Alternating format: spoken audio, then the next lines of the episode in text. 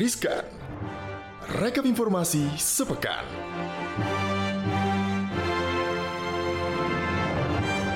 Selamat pagi, selamat siang, selamat sore, selamat malam. Ngapa awal-awalnya pakai tarik nafas ya? ya soalnya kan saya itu ibaratnya kayak menyelam ya Oh, masuk gitu. ke dalam siaran ini biar feel-nya itu lebih dapat gitu. Hai Sobat Juan, sudah disapa langsung oleh Muhammad Gibran loh. Dan juga ada Maria Katarina di sini. Kembali kita lagi jumpa kita lagi di Rizka. Rekap informasi sepekan. Tuh, seperti biasa kita datang menghantui hari-hari Sobat Juan menjelang akhir pekan. Benar benar gitu. benar. Tapi hantu kita itu hantu yang bermanfaat dan berfaedah. Soalnya Oh gitu. kita itu nggak seram. Seperti ramalan Jokowi ini ya, Ya, itu ramalan seram. Itu seram sih. Seram banget karena ini katanya ramalan seram Pak Jokowi 800 juta orang itu terancam kelaparan. Oh my god. Jadi Presiden Joko Widodo itu memperkirakan bahwa ratusan juta orang akan kelaparan dan mengalami kekurangan makanan akut akibat krisis pangan yang disebabkan terhambatnya rantai produksi akibat perang antara Rusia dan Ukraina. Well, karena Pak Jokowi bilang nih ya bahwa perkiraan tersebut lebih buruk dari proyeksi sebelumnya yang menyatakan ada 330 juta orang yang terancam kelaparan dan kekurangan makanan akut ya, di mana Pak Jokowi juga mengatakan bahwa 330 juta orang kelaparan ini mungkin eh, mungkin 6 bulan lagi bisa 800 juta orang akan Hmm. kelaparan dan juga kekurangan makan akut karena tidak ada yang dimakan. Wah. Ini sebenarnya agak lumayan prihatin. Ini 800 juta berarti seluruh dunia ya. Benar-benar. Wah, ini sih agak-agak ya apa, apa yang harus dilakukan ya sekarang ya. Benar, karena kan kalau kita itu penduduknya 200 berapa? jutaan 270 ya 270 270-an gitu. 300 juta lah ya, mungkin juga ada beberapa kita juga berkontribusi dari 800 itu karena kan Iya betul Berarti hampir semua negara lah berkontribusi terhadap angka 800 juta itu. Jadi pernyataan Pak Jokowi ini keluar setelah mengetahui bahwa fenomena kenaikan harga pangan dunia salah satunya Hmm. adalah komoditas gandum yang mengalami kenaikan 30 sampai 40% imbas dari perang Rusia dan juga Ukraina. Pak Jokowi kemudian juga menceritakan kan kemarin baru ketemu nih ya Hmm. eh, soan nih sama Presiden Ukraina Volodymyr Zelensky beberapa waktu lalu dan di mana Zelensky ini mengaku memiliki stok gandum sebanyak 22 juta ton dan stok dalam proses panen 55 juta ton. Artinya ada 70 juta 77 juta ton diam di Ukraina tidak bisa keluar. Nah, Wih. Usai bertemu dengan Zelensky, akhirnya ya ketemu deh sama uh, temannya, saudaranya ya, Presiden Rusia, serumpun Vladimir Putin saat berbincang. uh, Putin mengaku juga punya stok banyak, 130 juta ton, tapi nggak bisa dikirim karena berbagai sanksi imbas invasi ke Ukraina. Artinya Ukraina plus Rusia memiliki jumlah stok gandum 207 juta ton. Tadinya kita mikir kayak mereka proteksionisme gitu, jadi Benar. kayak mereka mengamankan uh, produksi dalam negeri, aman untuk negaranya. Negara lain nggak tahu deh. Tapi gitu. dia ternyata oversupply juga. oversupply. Jadi kalau oversupply dia juga bingung mau diserap di mana nih. Sementara kan ada uang untuk memproduksi gandum itu kan, untuk Mhm, ditanam mhm, benihnya, dirawat dan segala macamnya ya butuh juga dijual gitu kan, diekspor ke luar negeri. Salah satunya ke Betul. Indonesia. Dan lo harus tahu ya, dan concern nih sobat cuan Hmm. juga Gibran bahwa eh, gandum itu bahan baku utama beberapa produk yang kita makan kayak Hmm. Benar. roti, mie Benar. gitu. Jadi bisa dibayangkan kalau seandainya nggak ada. Masalahnya Indonesia tuh belum nanem. Benar. Padahal sebenarnya bisa harusnya. Gitu. Jadi lu tanya nih toko roti lu nih ya sobat cuan kalau dia bilang ini roti gandum lu tanya dapat dari mana nih? Gandumnya. Bukannya gandumnya lagi stoknya kurang nih gitu. Jangan sampai gandum-ganduman nih. Bener Atau mungkin sekarang Sobat Cuan harus mulai eh, diversifikasi Bener. eh, makanan Jadi mulai coba makan singkong Mhm. mungkin Makan jagung Atau makan makanan varian makanan lain deh Yang tidak mengandung unsur gandum-ganduman Bener, jadi saya kira cuma portofolio didiversifikasi. Enggak, Ternyata makanan makanan juga didiversifikasi ya. Daripada kelaparan Bo Benar-benar karena kita ketahui bahwa dampak dari inflasi itu gede banget. Bukan Parah, cuma parah, harga parah. pangan, tapi juga harga energi. Salah Aduh, ini satunya adalah ya BBM Ya, gitu kan. Nah, ya, kenapa kamu? gue soalnya Jadi ini top resmi naik. Ini daftar terbaru harga BBM Pertamina di SPBU. Jadi PT Pertamina Persero melalui anak usahanya PT Pertamina Patraniaga resmi menaikkan harga tiga jenis bahan bakar minyak atau BBM non subsidi. Yo, ya jadi non subsidi. Non subsidi Iya, kalau Oke. subsidi lain lagi. Jadi harus dibedain gitu ya, sobat Gue pasti pakai yang subsidi sih Sama dong.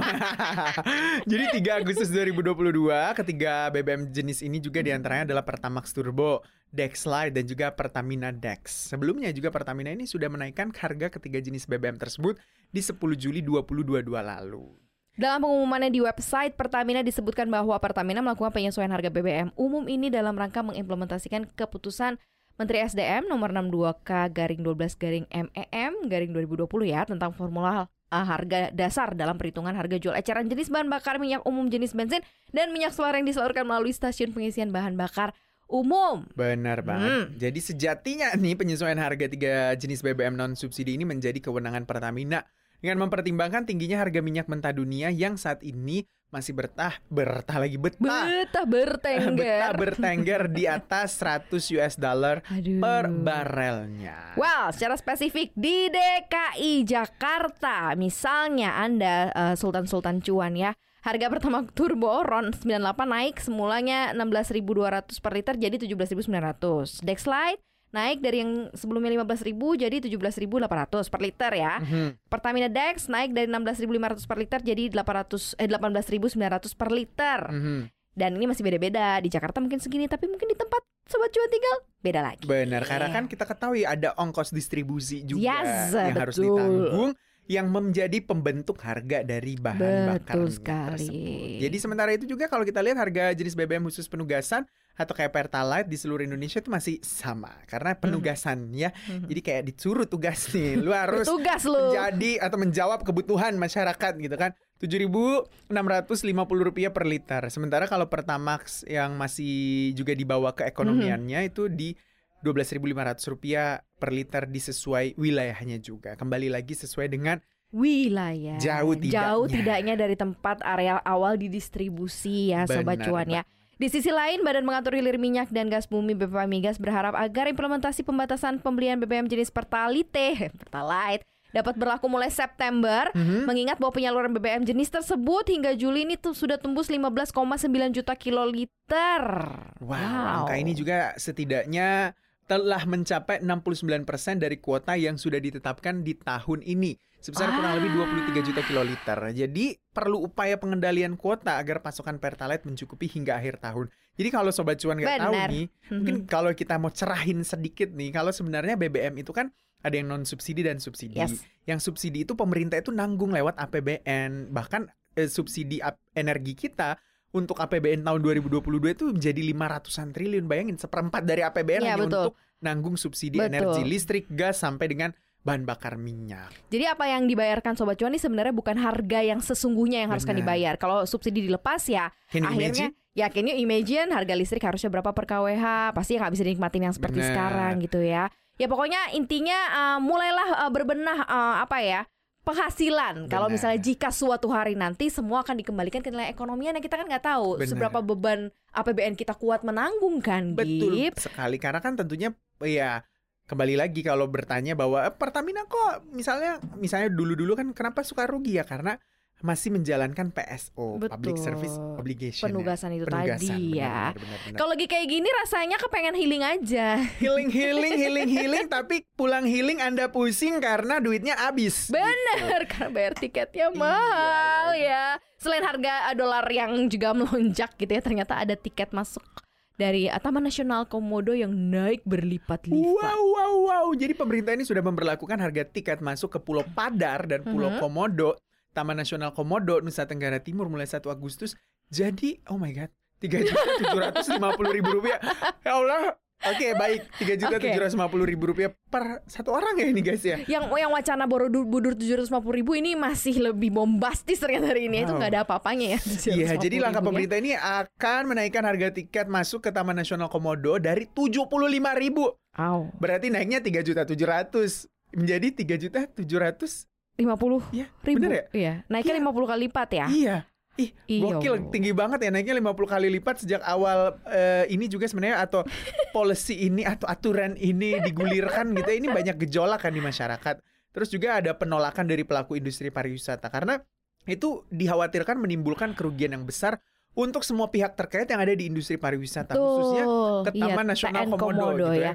Nah ini langsung deh mengundang Pauline Suharno menilai begitu ini Ketua Umum Asosiasi Travel Agent Indonesia ya menilai bahwa kebijakan itu bukan langkah yang bijak dari pemerintah apalagi kan sekarang sektor pariwisata lagi ada di tengah-tengah pemulihan. Nah, Pauline juga mengatakan bahwa kebijakannya kan harga tiketnya naik 3,75 juta per tahun. siapa sih sebenarnya yang mau nengokin komodo setahun berapa kali sih bolak-balik pergi mungkin malahan local guide atau mungkin pelaku wisata NTT sendiri gitu. Jadi tiga Oh. tujuh lima ini kayak Satu semacam tahun ya ah, ini ya apa apa tiket namanya? terusan. Tiket terusan Oh bener. god kayak nonton Java Jazz aja. Nih tiga gitu kan. tujuh lima lu boleh bolak balik datang liatin komodo gitu. Iya benar sih. Mungkin menurut Pak Paulin juga eh, tiap bulan ke Pulau Komodo juga mungkin nggak banyak orang yang mau ke sana tiap bulan gitu kalau punya tiket warga terusan. lokal warlock jadinya Bener kan. bener bener. Nah kalau kita lihat kan ini di sisi lain pekerja harian lepas umum itu berasal dari beberapa jenis misalnya Mm-mm. guide itu yang mengarahkan turis dan wisatawan di daerah asal. Ini juga terancam nih kehilangan pekerjaannya karena banyak turis yang membatalkan atau menunda perjalanannya gitu. Karena mikir-mikir Hmm. 3,7 gitu kan setahun apa tiap hari aja saya di situ atau sekalian tinggal di situ gitu. Cuman buat lihat ke Pulau Komodo, walaupun memang sih eksotis banget, bagus Banget. ya tempatnya. Cuman maksudnya mungkin cara bisnisnya nggak datang trip eh, berkali-kali ke Pulau Komodo, tapi Iya. mungkin di dikawinkan dengan wisata-wisata lain Bener, setempat bener, bener, gitu. bener, bener. Jadi bisa dapat mungkin dinner with Komodo di mana di situ, maksudnya dibangun dibangun resto yang bagus gitu kan. Kayak waktu Borobudur itu kan juga oke tujuh ratus ribu, Ya. tapi eh, bisa nginep di hotel deket situ. Oke, berarti ya ada kan? apa ya? Ke situ, Ada complimentary yang Bener, lain gitu, ditemanin bener, oleh bener. personal guide. Jadi ngerti datang ke Borobudur ngapain. Nah, sama Mhm. juga ke sini juga gitu. Benar benar benar benar. Begitu. Jadi mungkin pola bisnisnya aja mungkin yang agak dibenerin Benar. kayaknya. Modal bisnisnya Modal bisnis harus dibenerin ya. Karena kalau kita lihat sebenarnya bukan cuma liburan yang bikin happy. Ya, betul. Benar, karena Harga bagi, minyak juga ya. Iya, apalagi minyak goreng. Bagi emak-emak yang suka menggoreng gitu kan, yang minyaknya Eh, gua 2 liter pikir- sekali goreng, tempenya 3 biji doang digoreng Tapi gitu. gue pikir-pikir emang sih makanan Indonesia kayak semua goreng-goreng deh. Iya, karena Whatever it is ya kan. iya. Walaupun sekarang ada teknologi namanya air fryer. Kagak bisa kebeli semuanya yang Iya, betul. ke bawah. Lebih tepatnya karena listrik di rumahnya 900 terus air fryernya 1300 gitu. Gimana Baru- caranya? Baru nyala langsung bruk mati tuh. iya, jadi guys, ini yang bikin happy nih para emak-emak. Harga minyak goreng terus melanjutkan penurunan setelah sempat mencetak rekor menembus Rp57.000 per 2 liter. Sekitar 3 sampai 4 bulan yang lalu ya. Jadi Mhm. sistem pemantauan pasar dan juga kebutuhan pokok Kementerian Perdagangan mencatatkan kalau harga rata-rata nasional minyak goreng minyak goreng curah itu pada 3 Agustus 2022 turun Hmm. Rp200. Jadi Rp14.200 per liter. Wow. Wuh, tapi kan uh, target Presiden Jokowi kan di harga eceran tertinggi atau HET minyak goreng curah ini Rp14.000 per liter atau Rp15.500 uh, per kilogram ya, rupiah Mhm. per kilogram. Sementara itu harga minyak goreng kemasan sederhana di 3 Agustus 2022 terpantau bertengger di Rp18.900 rupiah per liter, sedangkan kemasan premium turun Rp100 jadi Rp23.100 uh, rupiah per liter. Nah. Masih belum sesuai dengan targetnya Pak Jokowi sih. Iya gimana tuh 14.000. Pak Mendak? Ke Pak Mendak gimana tuh belum sesuai target ya. Jadi kalau kita compare nih kita bandingin sebelum sebelumnya itu pada 4 Juli 2022 itu sudah terjadi penurunan masing-masing Rp1.600 untuk per liter curah itu Rp3.000 untuk kemasan sederhana seliternya, Mm-mm. terus juga Rp2.100 untuk per liter kemasan premium nih. Yes. Jadi di retail modern harga minyak goreng juga turun nih, ditambah juga diskon toko. Terus harga minyak goreng juga saat ini semakin murah. Oke, asal jangan langsung timbul menimbun ya karena ngeri kan, ngeri Iya, takutnya naik dong. lagi. Sementara itu Ketua Umum Gabungan Pengusaha Kelapa Sawit Indonesia Gapki Joko Supriyono mengatakan bahwa terkait minyak goreng seharusnya pemerintah hanya perlu fokus pada kebutuhan sekitar 2,5 juta liter bagi kelompok masyarakat rentan. Oh jadi ada perbedaan harga gitu yang nggak rentan maksudnya pakailah harga keekonomian gitu Iya. ya. Jadi yang kaya raya jangan pakai minyak goreng curah bos. Iya, pakainya harga 100 ribu per liter ada kan? Ada Yang me- brokok minyak- brokok. Kinola lah, kunula Iya, lah, apa lah gitu ya. Biji bunga matahari hamtaro lah. Terserah lu deh, pakai deh yang mana gitu. Kasihan gitu rakyat-rakyat yang kurang mampu. Har- kan nggak mungkin ya. Kasihan lah kalau pakai minyak goreng curah sama kitchen set di rumah yang pakai minyak goreng curah. Ya gitu. Jadi memang kita itu harus tahu diri dengan kemampuan kita. Tuhan memberikan kita rezeki ya untuk Betul. bisa membeli sesuatu yang sesuai dengan kemampuan kita gitu. Yes, betul, Jangan ya. pura-pura miskin ntar miskin beneran. tok tok. iya kan? Iya. Sesuai gitu. kemampuan kita. Tapi kalau yang ini di luar dari kemampuan kita. Iya gitu. karena ini tuh nggak ada yang bisa mengendalikan atau nggak sesuai ekspektasi sebenarnya karena ah, ini tuh setelah kita tahu ya bahwa ada lawatan Nancy Pelosi nih ketua DPR Betul. eh, Amerika gitu kan ke Taiwan itu tuh menimbulkan huru hara nih. Jadi kita harus siaga nih perang Asia. Ini balas dendam terbaru China ke Taiwan. Jadi kalau kita lihat tuh situasi kawasan Asia ini lagi tegang nih, Uh. khususnya di semenanjung dekat-dekat eh, Taiwan, terus di Taipei, China, Taipei China, dan segala yes. dekat-dekat situ lah ya semenanjung di Asia Asia Timur situ. Jadi persoalan keduanya ini makin panas nih dengan kedatangan ketua DPR Amerika Serikat Nancy Pelosi ke Taipei di 2 Agustus waktu setempat. China sejak pekan lalu sudah memperingatkan Amerika Serikat nih akan memberi pembalasan kalau itu dilakukan. Jadi udah dibilang eh Pelosi lu jangan datang gitu. itu Gue, tanah gua gitu. gitu.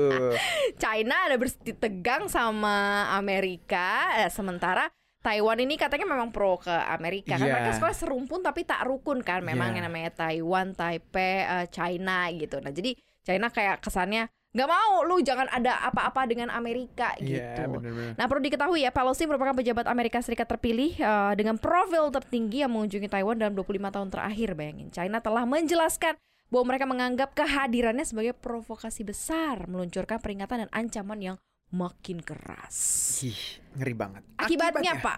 China pun menjatuhkan sanksi kepada Taiwan. Sanksi China kepada Taiwan di antaranya menangguhkan impor buah jeruk. Lagi-lagi. Oh berarti Cina nggak beli buah jeruk dari Taiwan nih? Mm-mm. Oh gitu. Terus juga Padahal ikan- tetangganya temennya itu Iya, heran mungkin dia gue. lagi cari ini jeruk di mana gitu di Indonesia. jeruk di Bali kayak Iya, jeruk Bali, jeruk di Medan juga banyak jeruk kan? Mungkin Iya, kayaknya. mungkin ya.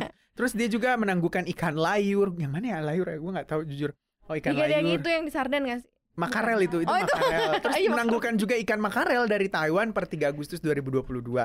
Selain itu China juga menangguhkan ekspor pasir alam. Jadi China nggak ngirim pasir alam nih ke Taiwan. Hmm. Tapi gitu kan. samsir alam mungkin ya. Eh, itu suami orang. Why? Aduh, terus juga China nggak ngirim kue kering. Bos, di Indonesia banyak kue kering. Kue kering banyak Apalagi tupe-tupe. ini jelang lebaran atau jelang Natal tuh kue Ke sini kering banyak aja, bener, ke sini Bener, aja. bener, bener, bener. Industri UMKM kue kering kita banyak kok. Banyak banyak parah. Jadi nggak cuma sanksi nih. Jadi juru bicara Kementerian Pertahanan China, Wu Qian juga mengatakan kalau militer China itu dalam siaga yang tinggi dan akan meluncurkan serangan operasi militer yang ditargetkan untuk mempertahankan kedaulatan nasional dan integritas teritorial. China juga mengumumkan akan mengadakan latihan militer, mencakup latihan tempur, latihan menembak langsung di enam zona di sekitar Taiwan. Bayangin ya. Bagi China, Taiwan ini adalah provinsinya. Namun pulau dengan 23 juta penduduk itu menolaknya, bayangin, dan mendukung pemerintahan demokratis. Pemerintah Xi Jinping juga sudah berjanji suatu hari akan mengambil pulau itu uh, dengan paksa jika perlu. Ya. Provinsinya, tapi provinsinya menolaknya. Iya, Coba iya, iya, ibaratnya bener-bener. Jadi ya gitulah huru hara yang ada di sana gitu. Kita juga ya sedikit pusing gitu kan karena masalah dalam negeri kita juga udah banyak. Pusing. Gitu kan. Jangan kan masalah dalam negeri, masalah kantong kita Ah, sendiri-sendiri iya, juga iya, banyak gitu dalam hidup sendiri juga banyak masalah. Makanya dengerin Rizkan biar masalah kamu itu selesai, kelar gitu. Sekejap dalam riskan ya. Iya. Setelah itu coba lebih eh, apa tercerahkan Bener. gitu. Mengatasi masalah tanpa masalah. Betul. Eh, itu apa? Jangan lupa iklan di sini ya kan udah saya mention tagline-nya. Penggadaian ya. Disebut lagi coy. Iya ya, aduh. Aduh. Oke nih, Tapi kamu tidak perlu menggadaikan cintamu. Bener, bener, Jangan, bener. ya. Nggak boleh, nggak boleh. Oke. Sobat cuan, terima kasih udah dengerin Rizkan recap informasi sepekan di pekan ini. Itu dia sejumlah informasi yang paling banyak diklik di cnbcindonesia.com. Jangan lupa dengerin cuap-cuap cuan di Apple Podcast, Google Podcast, dan juga Spotify. Dan Anchor. Anchor. Jangan lupa untuk follow akun Instagram kita di cuap underscore cuan dan subscribe YouTube channel kita juga di cuap cuap cuan. Like, share, komen yang manis-manis ya sobat cuannya. Oke. Ada Kita mau pamit nih. Pamit, yuk. Mari ya. Gibran. Dadah.